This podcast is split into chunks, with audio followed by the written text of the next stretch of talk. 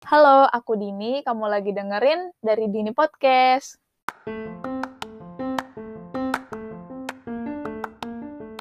Ini adalah episode ke-14 dengan tema self-love. Nah, uh, sebenarnya self-love itu erat loh kaitannya sama kesehatan gitu. Nah, dengan menja kita menjaga kesehatan diri kita sendiri, itu berarti adalah bentuk cinta kita kepada diri kita sendiri gitu ada kesehatan secara fisik dan ada secara psikis gitu ya atau mental.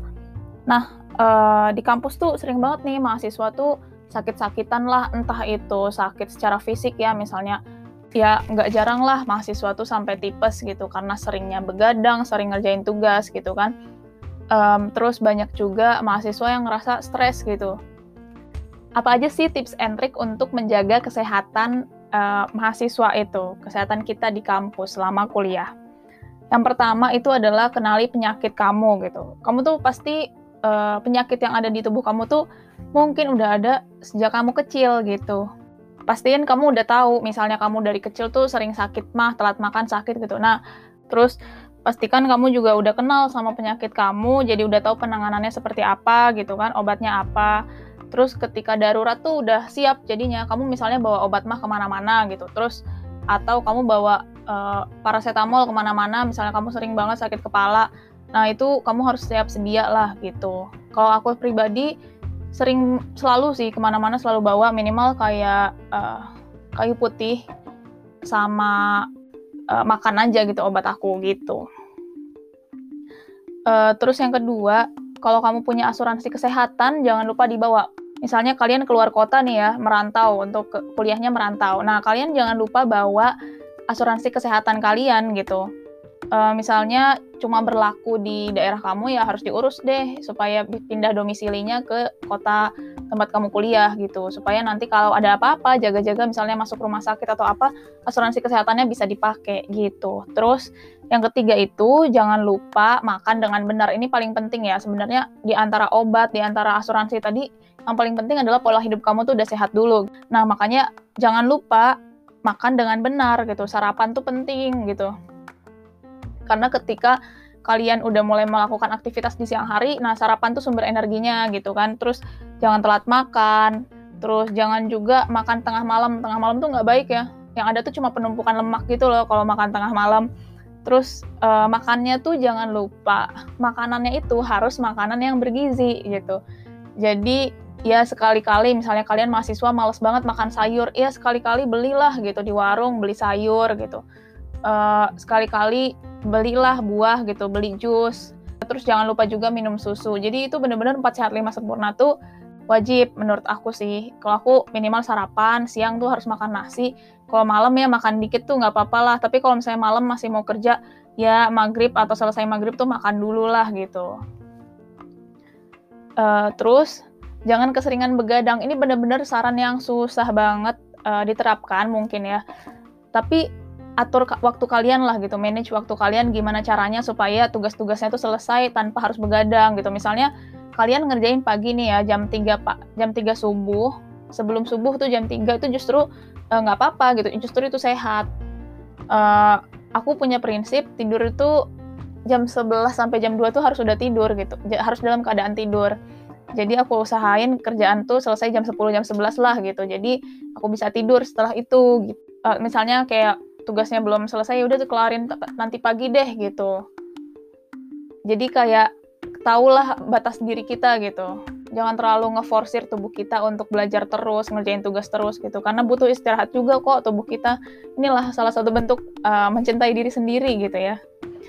Nah saran kelima adalah rajin-rajin olahraga sempetin waktu olahraga deh minimal seminggu sekali deh kalau misalnya kalian bener-bener uh, sibuk banget gitu ya. Seminggu sekali lari atau sepedahan atau um, sekedar jalan aja keliling-keliling. Kalau aku sih sebenarnya waktu kuliah itu seminggu sekali paling. Seminggu sekali tiap weekend tuh kalau nggak berenang ya lari atau uh, sekedar jalan aja yang jauh gitu pas weekend. Gitu deh uh, atau kayak misalnya kalian ngerasa di kos terus mager banget keluar ya udah misalnya kalian buka YouTube yang uh, kayak apa ya yang sekedar ya asalkan badannya gerak deh kalian buka di YouTube gimana olahraga di rumah aja gitu Yang keenam, ini juga penting yaitu jaga kebersihan tubuh dan sekitar. Jadi kalian jaga kebersihan, kalian mandi lah gitu kan. Terus um, jangan lupa sikat gigi juga karena aku sering banget kayak udah malam, udah makan sampai malam terus ketiduran pas ngerjain tugas itu lama-lama suka sakit gigi juga ya. Mohon maaf nih, jangan dicontoh. Jangan lupa jaga kebersihan sekitar. Jadi kamar kalian harus dijaga kebersihannya. Jadi karena uh, kalau ada kotor gitu ya, itu bisa jadi sarang penyakit juga gitu. Terus yang ketujuh, misalnya kalian dengerin podcast ini pas masih zamannya pandemi COVID-19. Jangan lupa terapkan protokol kesehatan. Nanti misalnya kalian sekolahnya udah offline nih, jangan lupa pakai masker, jaga jarak, cuci tangan terus gitu. Kita nggak tahu juga nih virusnya ada di mana ya kan, virus itu ada di mana-mana. Jadi tetap harus jaga kesehatan. Nah, Nah, selain secara fisik kayak tadi, kita perlu juga nih uh, jaga kesehatan mental kita. Ini penting banget juga gitu. Uh, cara jaga kesehatannya yang pertama adalah jalin komunikasi sama keluarga, sama teman gitu ya. Jadi lebih terbuka lah.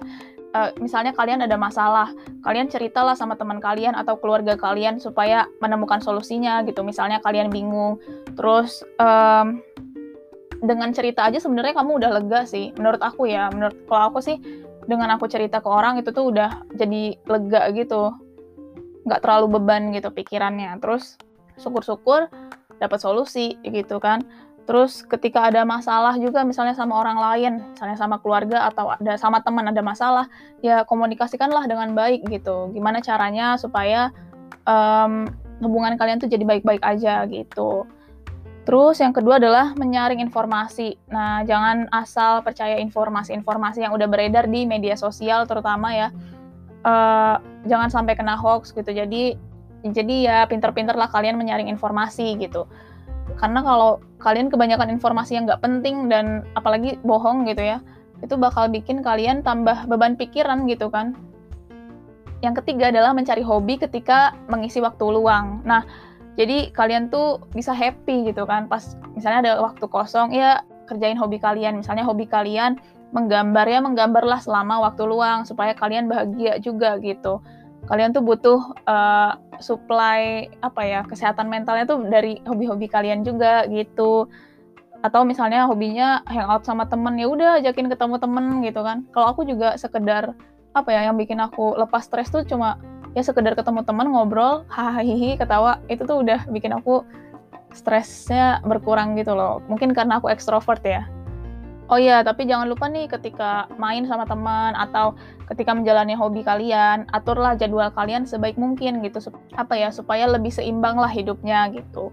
Terus yang keempat yaitu perbanyak ibadah. Nah uh, ketika kalian ngerasa kayak udah pusing banget kok tugasnya susah banget kok ujiannya tuh kayak susah banget kamu nggak ngerti materi ini tapi kalian mau ujian minggu depan misalnya ya uh, perbanyaklah berdoa gitu karena uh, jangan terus dipikirin aduh ini pelajaran ini sulit pelajaran ini sulit sambil kalian belajar perbanyak juga berdoa gitu supaya um, ya kita mintalah sama yang memberikan nilai gitu kan dengan memperbanyak ibadah tuh juga bisa menenangkan hati gitu. Misalnya kita ada masalah, ada pelajaran yang sulit, kita hati bakal ngerasa lebih tenang gitu loh. Kalau kita rajin beribadah, perbanyak beribadah. Misalnya kalian mau ujian udah pusing banget, takut nggak lulus, ya perbanyak sedekah. Misalnya itu boleh banget gitu. Kasih sedekah ke orang lain, minta minta doain kamu lulus ujian. Itu juga banyak cerita yang ketika perbanyak sedekah juga orang lain tuh justru bakal ngedoain kita yang baik-baik gitu deh.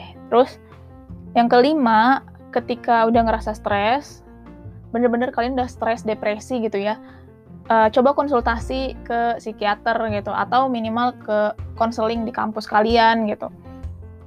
Karena ke konseling atau ke psikiater itu tuh bukan hal yang memalukan, menakutkan gitu ya, bukan ya belum tentu kalian punya penyakit macam-macam juga, tapi kan justru uh, ketika kita konsultasi kayak gini bisa mencegah uh, depresi kita biar nggak nambah uh, biar nggak nambah parah mungkin gitu ya sebenarnya ini aku nggak terlalu tahu soal depresi kayak gini kalian bisa cari-cari juga di internet gitu atau konsultasi lewat dokter uh, online ya udah ada zaman sekarang kalian bisa konsultasi di situ juga ketika kalian ada masalah-masalah misalnya depresi, stres atau tentang sesuatu gitu.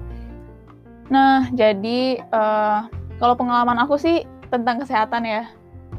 Aku kalau sakit kayak sakit mah kayak gitu-gitu biasalah ya kadang-kadang suka gitu. Tapi kalau pernah di tingkat akhir itu aku waktu sebelum pas seminar proposal itu aku dikasih tahu uh, kalau kalau uh, kelompok aku mau lulus tepat waktu ini bisa sampai sakit kalau kata dosen aku ya. Ini benar-benar waktunya tuh cepet banget uh, dan bahkan kita tuh bisa sampai sakit kalau ngejar wisuda cepet gitu kan terus aku setelah itu itu aku sebenarnya waktu seminar proposal dalam kondisi ada sakit mah terus lagi halangan juga. Jadi mungkin daya tahan tubuh aku lagi turun agak drop gitu. Terus aku masih jadi sambil tugas akhir tuh kan aku di semester 8 masih ambil mata kuliah lain juga ya yang banyak tugasnya kebetulan waktu itu. Sambil ngerjain tugas yang banyak sambil ngerjain TA dan aku bener-bener pas UTS itu aku masuk rumah sakit gara-gara demam berdarah. Itu kacau banget sih. Sebenarnya demam berdarah kan masuk ketika kita ada apa ya tubuh kita memang lagi nggak fit gitu. Ketika tubuh kita nggak fit terus datanglah nyamuk gitu kan. Nah itu terus aku kayak wow ah, bener-bener ini kata dosen aku bener banget gitu. Kalau aku mau ngejar wisuda cepet sampai sakit-sakitan ini bener gitu ruginya adalah aku jadi nggak ikut UTS gitu. Terus UTS tuh harus susulan ngejar-ngejar dosen pak saya belum UTS gitu kan. Padahal pas aku ngejar-ngejar UTS tuh ya teman-teman teman-teman aku ada yang udah wisuda gitu. Itu udah kocak banget sih. Uh, terus uh, pokoknya kalau kalian sakit pas kuliah tuh udah bener-bener nggak enak deh gitu kan. Ketinggalan pelajaran ketinggalan tugas ketinggalan ujian. Pokoknya bakal berderet-deret gitu kan belakang belakangnya tugas akhir aku juga waktu itu agak molor gitu ya itu pengal satu pengalaman sih menurut aku. Ya sarannya menurut aku ya tetap jaga kesehatan tadi gitu. Aku waktu sakit itu gara-gara emang selain tubuh aku daya tahan tubuh aku emang lagi turun terus aku lagi banyak ngerjain tugas full gitu sampai malam terus tiap hari nah itu langsung jatuh gitu.